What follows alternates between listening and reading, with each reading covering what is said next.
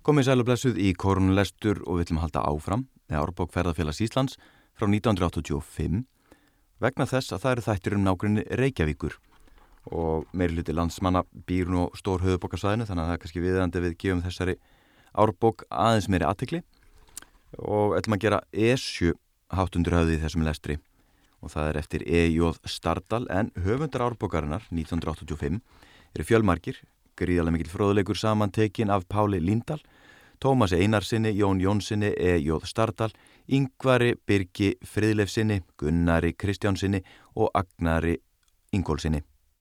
Nafnið. Esja er það fjall á Íslandi sem flestir landsmanna hafa fyrir augum daglega þar sem hún blasir við höfustaðarbúum mót norðri, handan kollaferðar, líkt og vekkur í þeirri nálað að litbriði hennar viki ekki fyrir bláma fjarskans. Það hefur ekki hjá því farið að þessi drotning fjallarhings Reykjavíkur hafi með litbriðun sínum og markbreytileik orkað á hugi skálda og réttöfanda allt frá því að höfundur kjálnesingasögu var á dögum og let hetju þeirra sögu leita á vist fjallsins með áskonu sína í helleinum og fram á okkar daga að kunnur vísendamæður og skáld Sigurður Þórarensson söngum solróðin skí sem yfir fjallinu svíf á hlýjum vorkvöldum. Nafn fjallsins hefur yfir sér blæ dölúðar Merking þess er engan vegin ljós, svo örugt sé. Í sögu kjálninsíka er greint frá Esju Kerlingu sem hinga kom frá Írlandi á samt fleira fólki og bjóað Esju Bergi að örli í gamla látnum. Væri næst að álíkta að nafnið væri frá henni komið, en auðvitað er þetta tilbúningur höfundar eins og flesti þeirri ágætu líisögu, eins og menn nefndu skáldsögur á gullöld íslenskra bókmænta. Samkvæmt betri heimildum landnámu bóka sjálfra Hétt Örlegur Rapsson, nefndur hinn gamli, sá landnámsmaður er fyrstur reisti bæ að Esjubergi og byggði þar kirkju, líklega þá fyrstu hér á landi. Hvort hann gaf fjallinu fyrst þetta heiti og kendi bæsin við hamra klungrið í söður hlýðum þess, ofan bæjarins, er ekki vitað. Líklega væri að Helgi Bjólan sem fyrstur namn land á kjallarnesi og bjóað hofi hafa átt upptökuða nafngiftinni eða jafnvel Ingólfur hinn fyrsti landnámsmaður áður en að vísaði Helga þar til bólstaðar. Örnefnið Esja er að öru leiti óþekkt í íslensku máli nefn að finna maður Esju fjöll í fandingjum vatnajökuls. Blöndals orðabók gefur nafninu þá merkingu að það geti táknað lausa mjöll eða mökk og í þá veru yrkir guðmundur skald frá sandi. Esju mjallar öslam á upp í brókar linda. Orðið væri þá rótskilt Ísja, sömu merkingar. Örnefnið mun þekkt í Noregi og hefur í norskum máliskum fornum ímsar og allbreytilegar merkingar.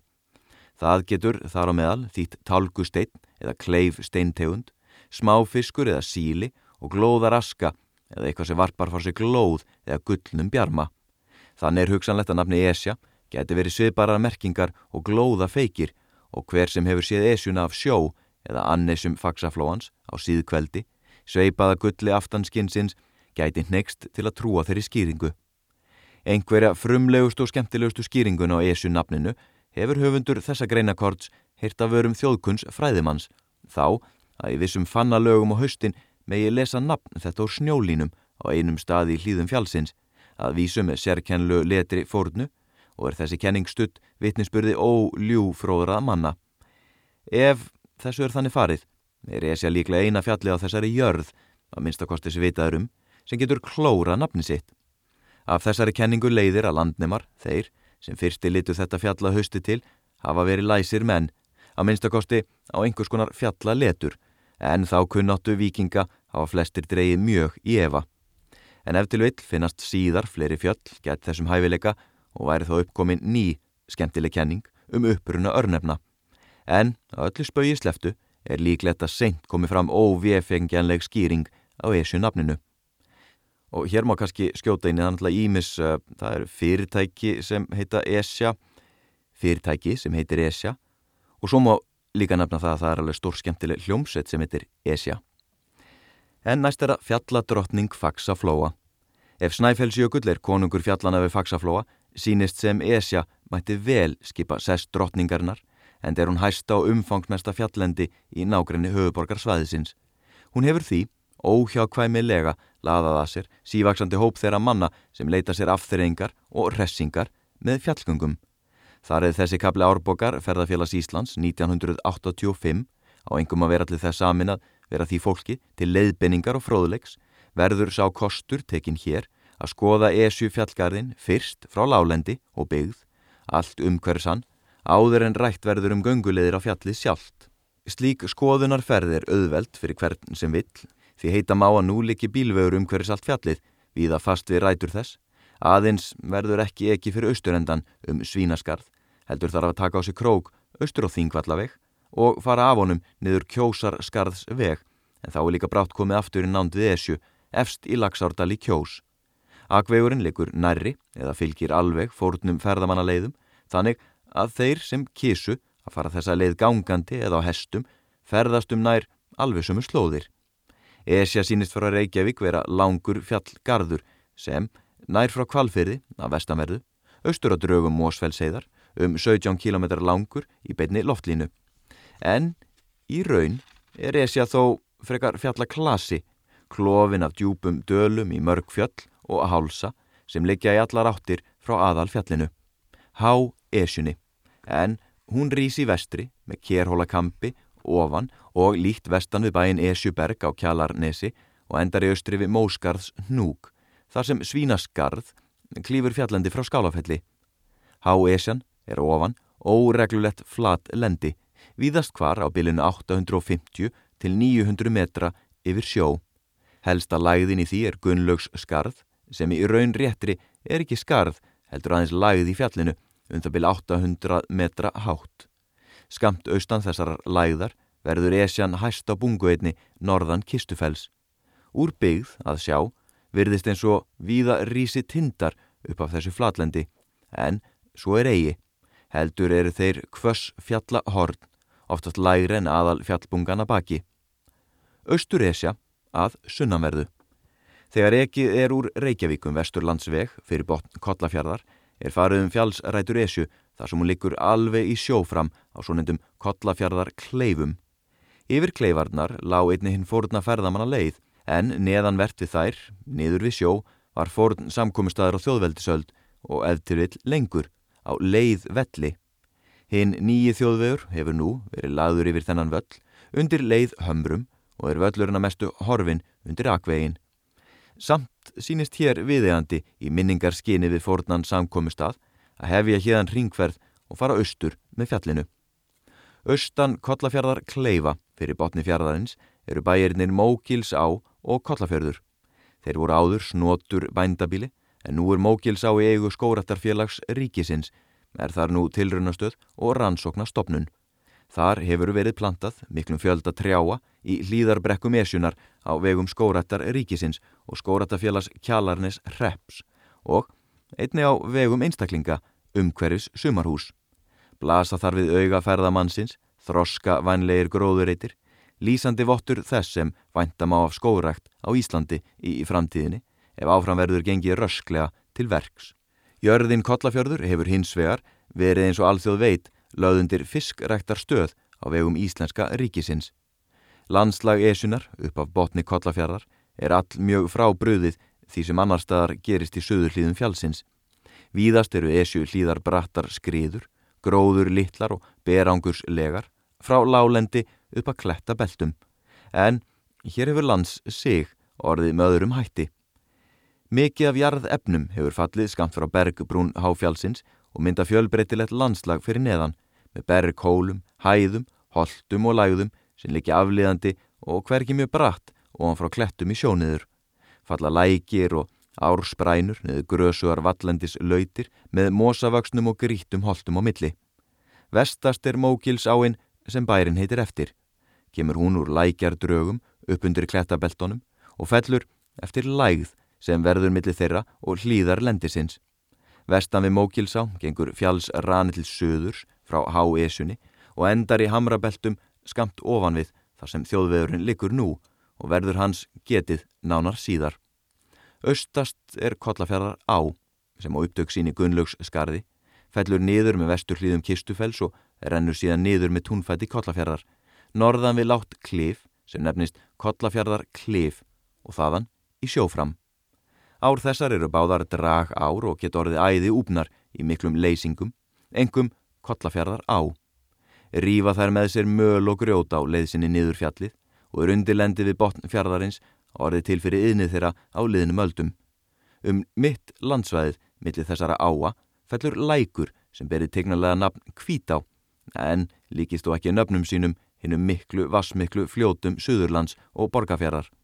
Kvítá þessi er vasslítil lindá, spítist öll út úr bergi á einum stað, ofanvert við mitt fjall, í grasi gróni lægð sem heitir Kvítar botnar, líkt og vatn komur krana og fellur síðan niðandi og kvítfissandi, söm og jöfn, ár og síð og alla tíð, niður fjallið, millir túnakollafjörðar og mókilsár og skilur landaregn í jarðana. Fyrir daga stór orkuver á Íslandi kom oft til álitað virkja þess á sem mann virkja fræðingar þeirra tíðar töldu búa yfir afli er næði til að raflýsa alla kjósar síslu. Sá hluti H.E.S.U. sem rýs upp af þessu hlýðar lendi nefnist þverfell og endar það í hversu horni vestast, upp af fjalls rana eða hálsi sem likur millir giljadraga mókilsár og gljúvurdals. Að austanverðu lækkar þverfellið ofan í mikla lægð millir þess og kistufells, gunnlaugs skarðsins sem áður er nefnt. Hér er rétt að geta þess að deildar eru meiningar manna hvaða hluti esju beri þetta nafn, þver fell, og hefur súskoðun sérst á prenti að þver fell heiti í raun kletta beltin vestan kollafjara kleifa og fjallsrannis á sem skilur milli gljúfurdals og fjallendisins ofanu mókil sá. Hér sem annar staðar í þessu greinakorni verður þeirri reglu fyllt að styðjast við álit heimamanna og jarðeiganda en það flest örnefnins skráð hafa verið bæði á kort og örnefnaskrár frá þeim komin. Er það staðföst skoðun síðast ábúanda á Mókilsá, kjálnesings í þriði ætlið, að sá hluti esju heiti Þverfell sem hér greinir og ætti hann gjörst að vitum örnefni í eigin landi. Fjallendið upp af kollafjara botni er hlílegt, tilbreytingar ríkt og viða gróið en það likur það vel við sól. Af þessum sökum hefur þar leið leið margra sem á esju hafa gengið og verður nánar að því vikið síðar. Frá kollafjarðar kleifum lág hinn fórna ferðamanna leið, niður við sjávarmál, austur með esju, eftir eirum kollafjarðar ár, norðan við kollafjarðar klif. Vesturlands hraðbrutin likur hins vegar yfir klifið, siðst og sveigir þaðan í áttað leirvogi og til Reykjavíkur. Uppi á klifinu er kollafjarðar rétt, skila rétt kjalarnes reps og þótti áður fyrr mikið sport fyrir höfustadarbúa og fleiri að ríða í þá rétt á höstin var þá sleið upp tjöldum þar og ymsar skemmtanir haðar um hönd. Þángalætur Jón Tóratsen, sögu heitju sína, Sigriði, í bókinni Piltur og Stúlka fara sér til skemmtunar á fárum síðsumar stegi, ástvinni sínum til mikils ángurs, þó allt færi vel að lokum. Á grasigrúnum eirum vestan við Kollaferrar Klif voru oft haldin íþróttamótu útiskemmtanir og upphafsárum ungmennafélags skaparins fyrstu áratugi þessara aldar og sóttu þanga glímu garpar og íþróttamenn úr nálaðum sveitum. Hinn gamla þjóðuleið lág austur neðan undir hlýðum kistufelsins um hlöð bæjana á völlum og norður gröf, en nú er hún vart öðrum greið en gangandi mönnum, sakir girðinga. Önnur leið lág þar sem nú er þjóðvegur, austur og norður Álsnes og Varmadals mela upp með Lervó sá, á barmi Varmadals gljúfura og mætti henni fornu slóð ofan við gljúfrin. Nú er þarna bílaslóð og var í fyrstu aðeins tróðningur fyrir lagsöðumenn en telst nú síslu vegur og nefnist Kjalarnes vegur innri. Likur leiðininn allstóran dal millir Mósfells og Esju sem þó hefur ekki hlotin eitt sérstatt nafn. Leið þessi má heita fær flestum bifriðum að sumri til en árnar á leiðinni eru óbrúaðar og eiga til að vera varasamar veikbyðum fólksbílum, engum í rikningar tíð. Af þessari leið blasir kistufellið vel við snar bratt og gróðulítið í fullri hæð H.E.S.U. 843 metrar. Regluleg kletta belti þess séða sunnaverðu minn á kistu eða kistu lok. Vestan frá kollafyrði séð líkist að upp mjóri gnípu. Úr lofti séð líkist að hins vegar herðablaði eða aksarblaði sem snýr egg mót söðri, flattað ofan en mjókkar til norðurs þar sem læðir Gunnlaugs skarðs og eftir draug Gravardals likja, að því sitt hvort megin. Skant fyrir austan norður gröf likur leiðin yfir Gravar á og opnast þá sín inn í Gravardal sem er djúpur en fremur stuttur dalur sem skerst inn í essu, millir kistufells og þverárkots háls. Botn dalsins er, engum neðst, að mestu sundur tættar eirar og mosa þempur en hlýðarnar grónari engum í hálsinum. Grafar á er vasslítil að jafnaði, verður aðeins lækur í þurkatíð en getur orðið mesta forað í leysingum og stór regningum, hættuleg og jáfnvel ófær yfirferðar. Vatnasvæði hennar er talsvert í stóri kvilt sem verður millir kistufells og hátins, nær engungu brattlendi og sapnast þar mikill snjór á vetrum. Sjást fannalög þar venjulega langt fram eftir vori. Hver vastrópi sem á svæði árunar fellur er fljótur að skila sér niður í ána og vex hún óðfluga, jafn skjótt og tekur að rigna og á til að verða ófær á dagstundu. Síðast ruknaði maður í áni árið 1954 er hann reynda að ríða hana í miklum vexti. Var það Ottur Einarsson, bondi í þverar koti. Östan gravarár tegir þver ár kots háls sinniður á leirvoks eirar og likur vegurinn yfir háls endan. Hálsin er grösugur hinn eðra og likur jamt aflíðandi upp að kletta beltum hátins en þar upp að verður esan einna hæst. Þegar komir fyrir háls endan sést yfir talsvert undilendi og flatar malar eira sem þver á hefur myndað í aldana rás en hafa nú að miklu leiti verið ræktaður upp og breytt í tún. Sést nú heima þver ár koti sem áður hétt þver á og var lengi í gott bíli en hefur nú verið í eigðu um skeið. Áinn sem bærin er kendur við kemur úr samnendun dal, austan hátins og rennur við túnfót bæjarins. Er hún önnur af þeim ám sem eru óbrúar á kjalanisvegi innri og fellur í leirvoks á eins og grafar á. Bærin í þverjar kvoti stendur í dálítilli kvilt sem er í hálsunum niður á jaflendinu og heitir sá hlutið þver ár kvots hálsins sem er ofan við túnið bæjarfell. Austan við undirlendið sér heima bæjónum Rappnhólum og Skekkjastöðum, hennu fóruna landnánsbílið Þóruðar Skekkja sem stendur vestan við skóarbringur sunnan leirvoks ár. Undirlendi milli bæjana er umlugt fjöllum og hæðum alla vegu. Í suðvestri er Mósfell og austur á því, sunnan leirvoks ár, likur hæðar drag sem skilur að Mósfellsdal og nefnist Háaleiti. Þaðan rýs land, já til skóar bringna, langar hrygs og Mósfells heiðar sem verður getuð um síðar. Mót austri blasa við haugafjöll fyrir norðan Hrafnhóla og lengra til austurs rýsa Stardals hnjúkar. Þetta stuðlabergs fjallendi er jafna nefnt í fleirtölu af lásveitar mönnum. Norðan þeirra sér á vestur öxl skálafells og inn á svínaskarð sem skilum millir felsins og austurenda esunar sem í munni kringum byggjara esunar kallast móskörð í daglugu tali. Svínaskarðs leið Þegar komið er yfir þverá skiljast hinnar fórnu leiðir. Inn með þverá likur hinn fórna alfara leið norður yfir svínaskarð til kjósar, kvalfjardar og þaðan hvert sem leið lág norður eða vestur. Áfram upp með Leirvós á likur svo leið sem Sveitn Pálsson kallar í ferðabóksinni Stardals veg, austur til Mósfells heiðar og kjósar skarðs, austan Skálafells háls og þaðan til Þingvalla. Bifriðaslóðin likur eftir henni neðan túns að Hrafnhólum og þar yfir Leirvós á brú, síðan um hlað hjá skeggjastöðum upp skóarbringur og þar yfir á Þingvalla veg.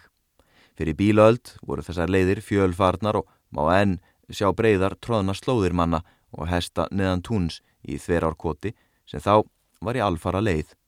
Að fara svína skarð stitti verulega leið þeirra sem ferðuðust millir byggða við sunnaverðan faksaflóa og norður og vesturlands. Sparaði ferðamönnum hinn langa krók út með öllum kvalfyrði og vestur fyrir esju. Úr svínaskarði lág leiðinum svínadal, síðan yfir reynavalla háls til kvalfjörðar bots en um þá leiðir fjallaði þessu riti á öðrum stað. Þegar haldið er áfram svínaskarðs leið, eftir þverár eirum, opnast brátt útsinni inn í þverár dal, sem er áþekkur gravardal en allur stærri. Hátindur leikur að dalnum á sunnan og vestan, en fjallsranin á móti hefur ekki hlutið sérstatt nafn fyrir með móskörðum austan viðan. Hlýðar þverádals eru snar brattar og klettabeltiðir efra, gróður litlar sundur skornar af lækjarbunum og giljum sem falla ofan úr Há-Esju niður í þverá. Raninn millir Há-Esju og Móskarða er efst uppi, svo örmjór að menn geta bókstala sestar klófiða með annan fóting kjósarmegin en hinn í kjalanes reppi. Í þessum rana eru tvöli til skörð með strítu á milli og sjást víða að, ekki síst af þingvalla vegi og minna á bókstafin tvöfalt vaff. Þarna verður ranin einna mjóstur og ekki gengt um hann nema eftir einstíi og þá að sumri til. Fari menn þarna að vetra lægi er vissar að hafa með sér ís, aksir og fjallalínu. Þessi skörð nefnast laufskörð. Móskörð eru hnjúka kvirfingur baulusteini eða lípariti. Östasti hnjúkurinn og þeirra tígulegastur er Móskarðs hnjúkur sem rýs vestan svínaskarðs, einn og stakur eins og tröllvaksin píramidi. Jarðefni hans er ljóst líparit, svo að á að líta er eins og jafnan skína á hans sól, jafnvel í timmiðri. Ein mesta príði hans er þó gríðastór, dökkur drángur í miðjum píramidunum, líkur trölli til að sjá, enda er um hans úr þjóðsaga að þetta sé nátt tröll sem var að koma austan á Mósfellseiði af sílungsveiðum en glemdi sér við veðarnar, náðu því ekki bæli sitt fyrir solris og dagað þarna uppi. Vestur af Móskars hnjúk eru fleiri hnjúkar, risminni og hafa eigi sérstökn nöfn. Neðan við þessa hnjúka röð stendur stakur hnjúkur, dekkraði lit en hinnir og kallast blá hnjúkur. Neðan við hann er fell sem kallast þverfell en vestan við það rýs grá hnjúkur. Millir grá hnjúks og hinn að tvekja fyrir nefndu er stór kvós eða lægð millir fjallana sem heitir Skánárdalur eða Skánardalur. Þar er talsveru gróður, engum smjörlauf og mósi sem stingur í stúfi auðn hnjúkana sem eru mjög gróðurvana eins og títir um líparitt fjöll.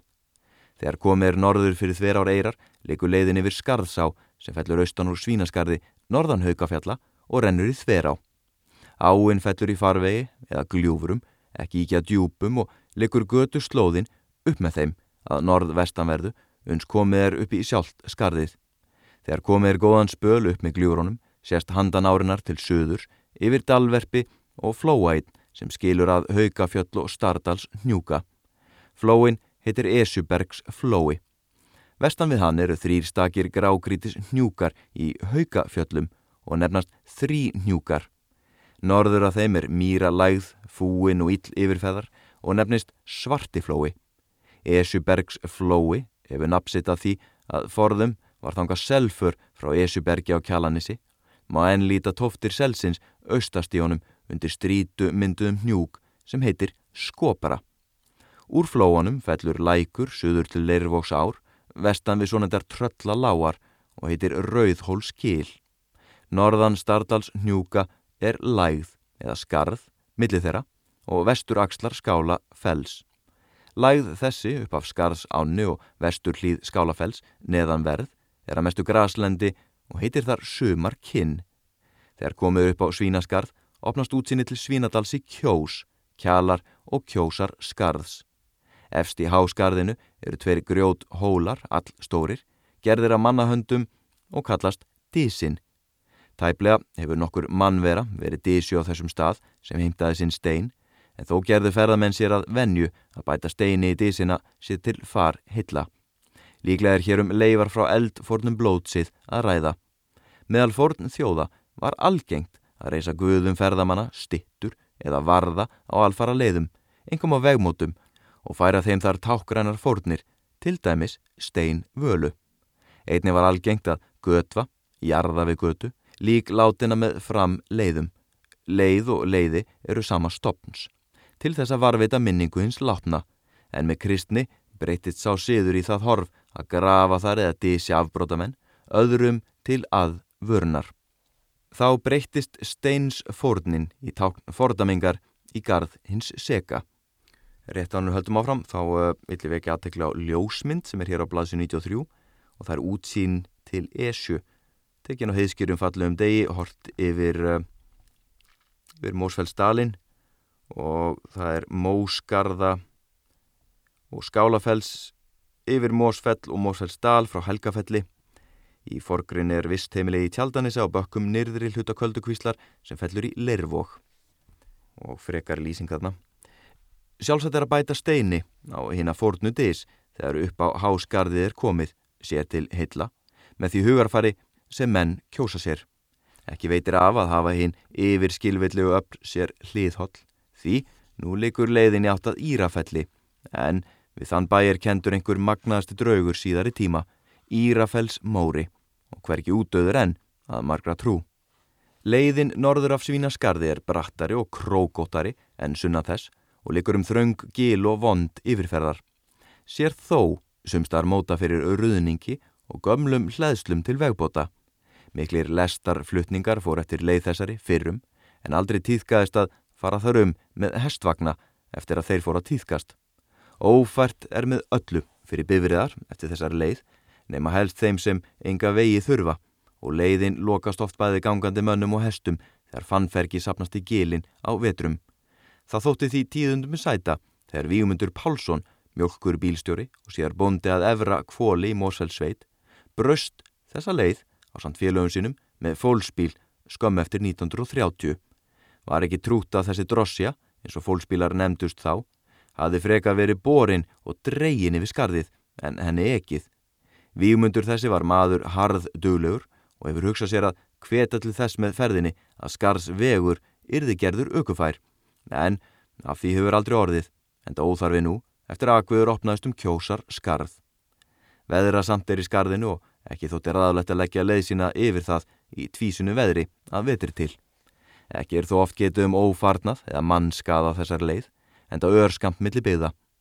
Þó er enn í minni manna harmleikur sem þarna gerðist um síðustu aldamót. Þá huðust nokkrir ferðamenn úr Reykjavík, ganga norður yfir Svínaskarð, yfir í Kjós eða lengra, rétt fyrir jólinn. Ungur skólapiltur frá Hækingsdal í Kjós sammæltist þeim því hann var á leið til foreldrahúsa til dvalar í jólalefi. Lagt var af stað á Þorláksmessu, á leiðinni kendi piltur lasleika og var það ráðið að hann skildi verða eftir á bæ sem heitir í Fetja Koti í Kjallanes Reppi. Segir ekki meira ferðum félaga hans sem farnaðist vel. Dæin eftir, á aðfokadag, vildi Piltur óðfús fara sína leið, en það orðin að hann saði hinn hressasti. Lagði hann síðan einn á skarðið. Fóreldra hans byggust við honum á aðfokadags kvöld, en svo leiði jólanótt og hann kom eigi. Dæin eftir var sendt söður til að viti um drengin og var þá ljóstað hann að orði til á leiðinni. Hann fannst ekki fyrir nokkrum vikum setna, hafði Pilturinn örmagnast, líklega af lasleika og lagst til kvíldar undir steini látið tösku sín undir höfuð og sopnað uppi á háskarðinu. Var það hans hinsti blundur. Um þennan atburð orti Þorstein Ellingsson skáld, hugnæmt hvæði sem hann nefndi eftir pilt. Þegar haldið er norður af svínaskarði verður fyrst fyrir á vinstur hönd djúft og lánt gil, móskarða gil sem skilur millir móskarðs njúks og trönu. Tranan er eitt mesta fjall í Esjufjallgarðinum og likur til norðus frá móskorðum Millir þeirra og trönunar er nokkur lægð og eftir henni fóru kjósverjar stundum af svínaskarði ofan í Eiadal eða þeir vildu stitta sér leið niður í framkjós en ekki er þetta greið leið nema lausgangandi mönnum. Tranan rýs all hátt á hæði Móskars hnjúk 743 metrar, flöt og slett í kollin en austurhlýð hennar er samfeld, snar brött hamrabelti niður í skarðið. Norður af henni líka tveir fjallsranar, heitir Trönumúlis og Eistri og fer hann ört lækandi niður í Svínadal. Hinn er möðruvalla háls og likur Trönudalur, mjór afdalur, á milli þeirra. Úr Svínaskarði kemur Svínadals á sem fellir í djúbu gili niður í dalin, likur vegar slóðin vestan við það, austan í Trönumúla. Þegar komið niður í Svínadal er farið hjá djúbu gili sem skerst inn í skálafell og heitir Jökul gil liggur leiðin þaðan um háaleiti og háumýri, norður dalinn. Austan Jökulgils eru grösuar brekkur í norður hlýðum skálafells sem kallast Góðatunga. Austan við þar brekkur er annað gil, þverár gil, sem kemur úr læð millir skálafells og skálafells háls. Svínadalur er all stór og grösugur en hefur ætið verið óbyggður. Hann er víður og opindli norðus en skálafell lokar dalnum á sunnaverðu. Skálafells háls, austamegin, en tranan og trönumúlega vestan. Norðvestur endi Skálafells háls heitir Hádegis fjall, austur á því er þverár gil og fellur bláleikur þaðan í Svínadals á. Hálsin lækkar síðan niður á kjósarskarði og heitir austur hlýðans Fanna hlýðar. Norður af Skálafells hálsi myndast lægð millir hans og lítils fells sem er nefnist Íra fell. Beint austur á læðinni stendur bærin Fremri háls en norðvestan undir fellinu er samlendur bær myndalett bíli en hefur þó orðið nafn kendast að móra þeim sem þjóðsögur hafa tengt við bæin og margt skammarstrykið á að hafa framið. Esja norðan verð. Þegar kemur fram úr Svínadal fer leiðin yfir á bílvegin sem likur að austan af þingvallavegi gegn kjósarskarð um hlaða á möðruvöllum og þaðan vestur með Esju en sunnan meðalfells. Þegar komið er vestur fyrir möðruvalla háls að austur enda meðalfells sérst inn í Eiadal til söðurs og er hann annar lengsti dalur sem inn í Esjuna skerst, rösklega 5 km á lengt frá bænum Sandi við minni dalsins og inn í botn. Úr minni dalsins blasa móskörð við sem loka honum til söðurs eins og speilmynd þeirra að sunnan séð. Þó skortir þar steinkarlin eða tröllið í móskars hnjúk til að hann sé jafn sérkennlur til að sjá sem að sunnanverðu. Dalurinn er þraungur en grösugur, engum að austan verðu. Sands áfellur eftir dalunum miðjum, kemur úr kvíslum inn við móskörð og tekur á sig marga læki á leið niður dalinn. Í fjallsrananum sem myndar austurliða dalsins og gengur norður af trönu eru þrjár skálar eða kviltir. Heitir svo nyrsta litla skál. Þá er miðskál og siðst stóra skál. Vestur hlýðardalsins eru brattari og gróður minni. Þó eru þar dalverfi sem heita Rúta dalur, skamt innan við miðjan Eiadalinn og söður ár dalur inn í botni. Það eru upp af rís seltindur. Hólatungur heita mörg lækjar drög einst í dalnum og ná upp að móskörðum. Rústir sels frá henni fórna höfubóli eigum í kjós eru niður við og vestan við sands á á mót við stóru skál. Önnur mannabygð hefur ekki verið inn í þessum dal. Neðst í minni dalsins stendur bílið Sandur. Ofan við bæin er Sands fjall og heldur rani úr því áfram upp í Há Esju. Aðskilur hann Eija dal frá Flekkudal sem er næst fyrir vestan. Þar uppi myndast kvast horn á klettabeltunum sem kallast Esju horn. Flekkudalur skerst skemraðin í Esju en Eijadalur. Neðst í honum standa bæirnir Grjódeiri og Flekkudalur á allmiklu grösugu flatlendi sem nær norður af meðalfells vatni. Flekkudalur klopnar í tvent, er inn í hann kemur, gengur afdalurinn með sandsfjalli, er torfadalur nefnist. Milli hans og Flekkudals sjálfs er miðfjall. Að Flekkudal vestanverðum likur enn einn fjallsranni sem heitir Nónbunga og hefur eittarstað frá eigum. Rís bunga þessi til söðurs mót skálatindi, 801 metrar, sem girtur er flugbröttum hömrum hann var alla vegu og tengir aðeins mjó ræma hann við Háesju.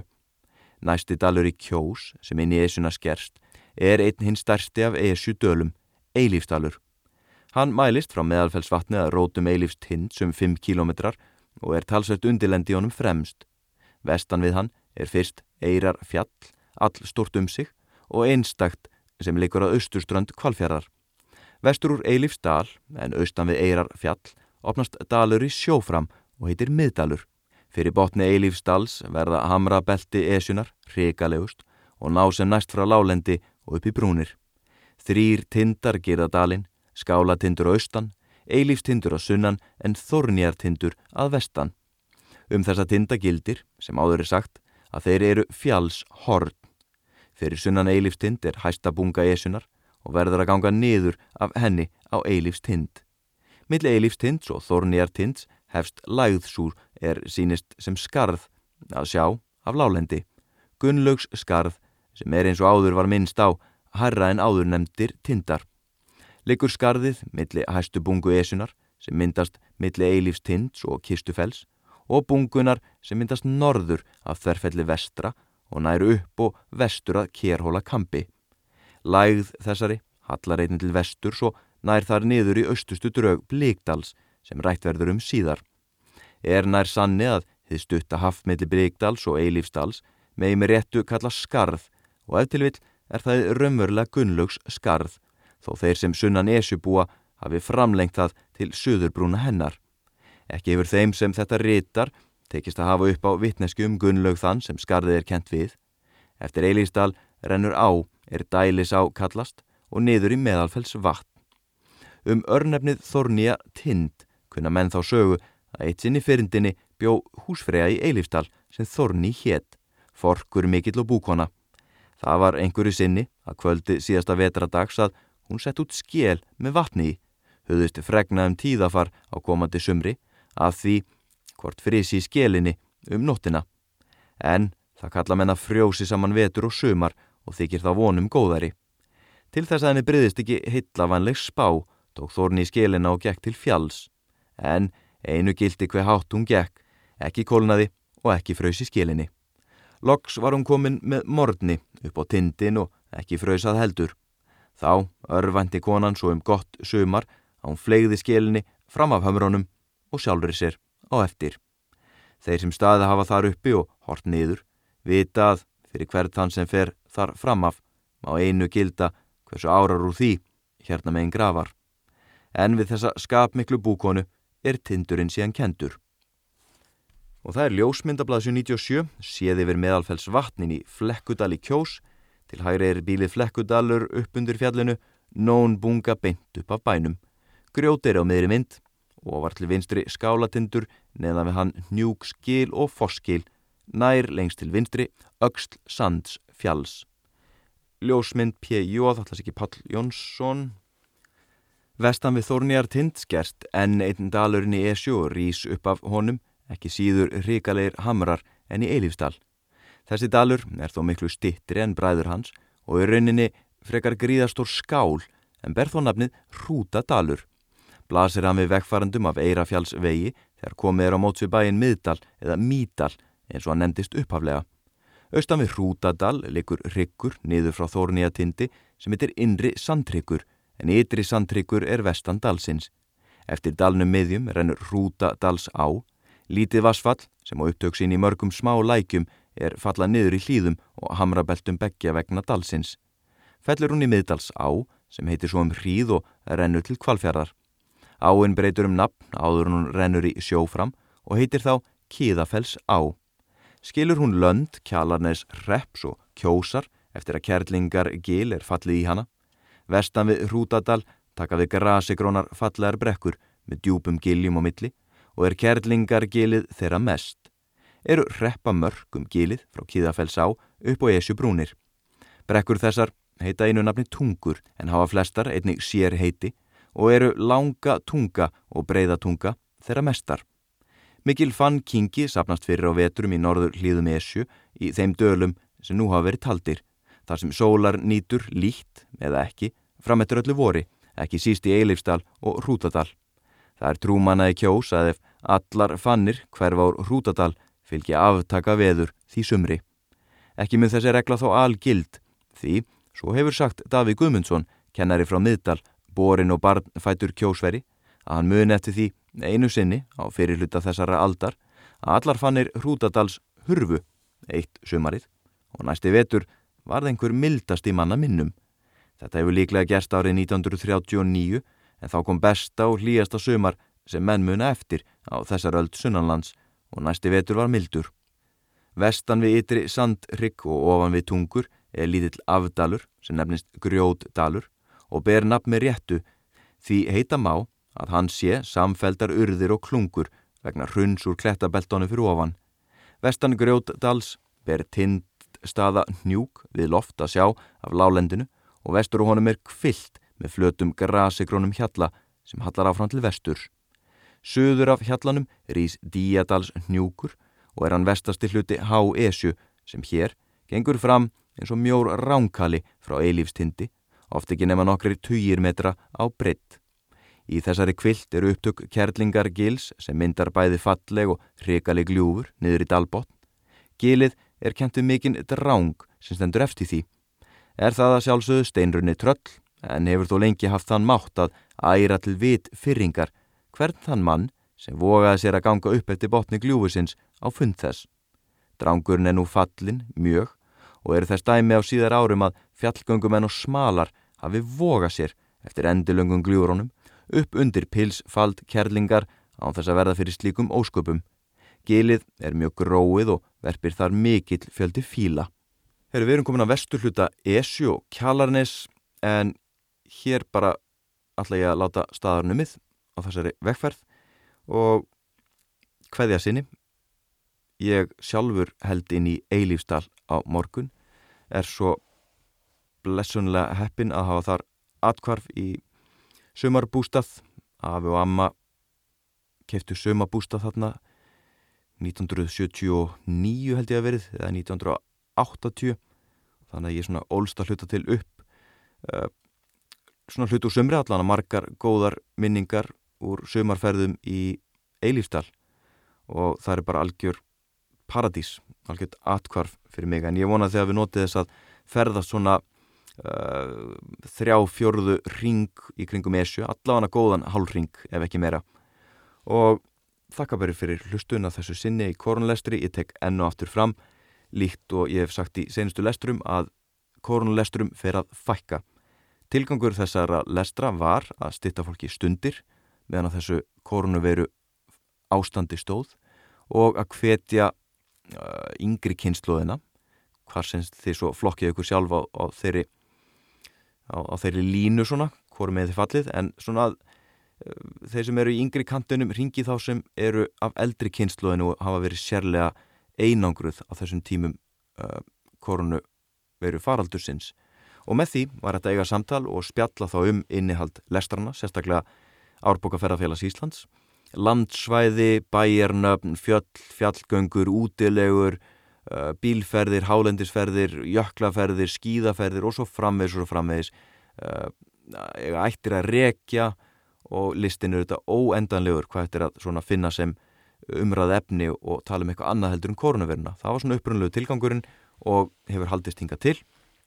En auðvitað eru þessi lestara líka gríðarlega mikil fjársjóskista fróðleiks fyrir, já bara alla sem vilja uh, kynast landinu aðeins betur og leiðsögum en auðvitað vonandi nýta tíma vel núna að lesa hinnar ímsu fræðibækur og jarfræði og landafræði og sögu á þessum tímu þegar ekkert að gera eða lítið eða auðvitað ganga um, um landið ferðast.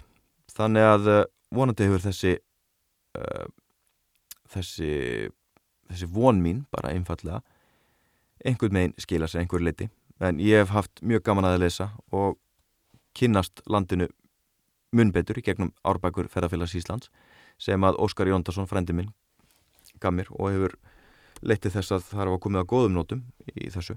En uh, lesturum fyrir fækandi þannig það sé ég ætla að segja, ætla ekki að draga þetta á langin lesturum fyrir fækandi tveir, þrýr dagar inn á milli helgar frí og allt það því að þetta er auðvitað að fjara út eins og við vitum þó svo að þurf, við þurfum að fara að valega en við ætlum ekki að halda þessu lesturum áfram endalust þannig að bara vonandi verður þessi uh, lestur bara fyrir bíbráðum þótt að það sé viss sorga hvaðja þannig að lestur. Þetta búið að vera svona skemmtilega fastur þáttur í minni tilveru. Vinna þrjá dagavikunar á elli heimili þar sem ég les mikið fyrir fólk en hafa svo svona eitthvað fyrir stafni síðustu tvo mánuði þegar þetta, maður hefur verið einangrið svolítið mikið utan vinnunar þannig að, en er á meðan er. Ég þakka fyrir hlustunna í að sinni og hveð ykkur, verið bless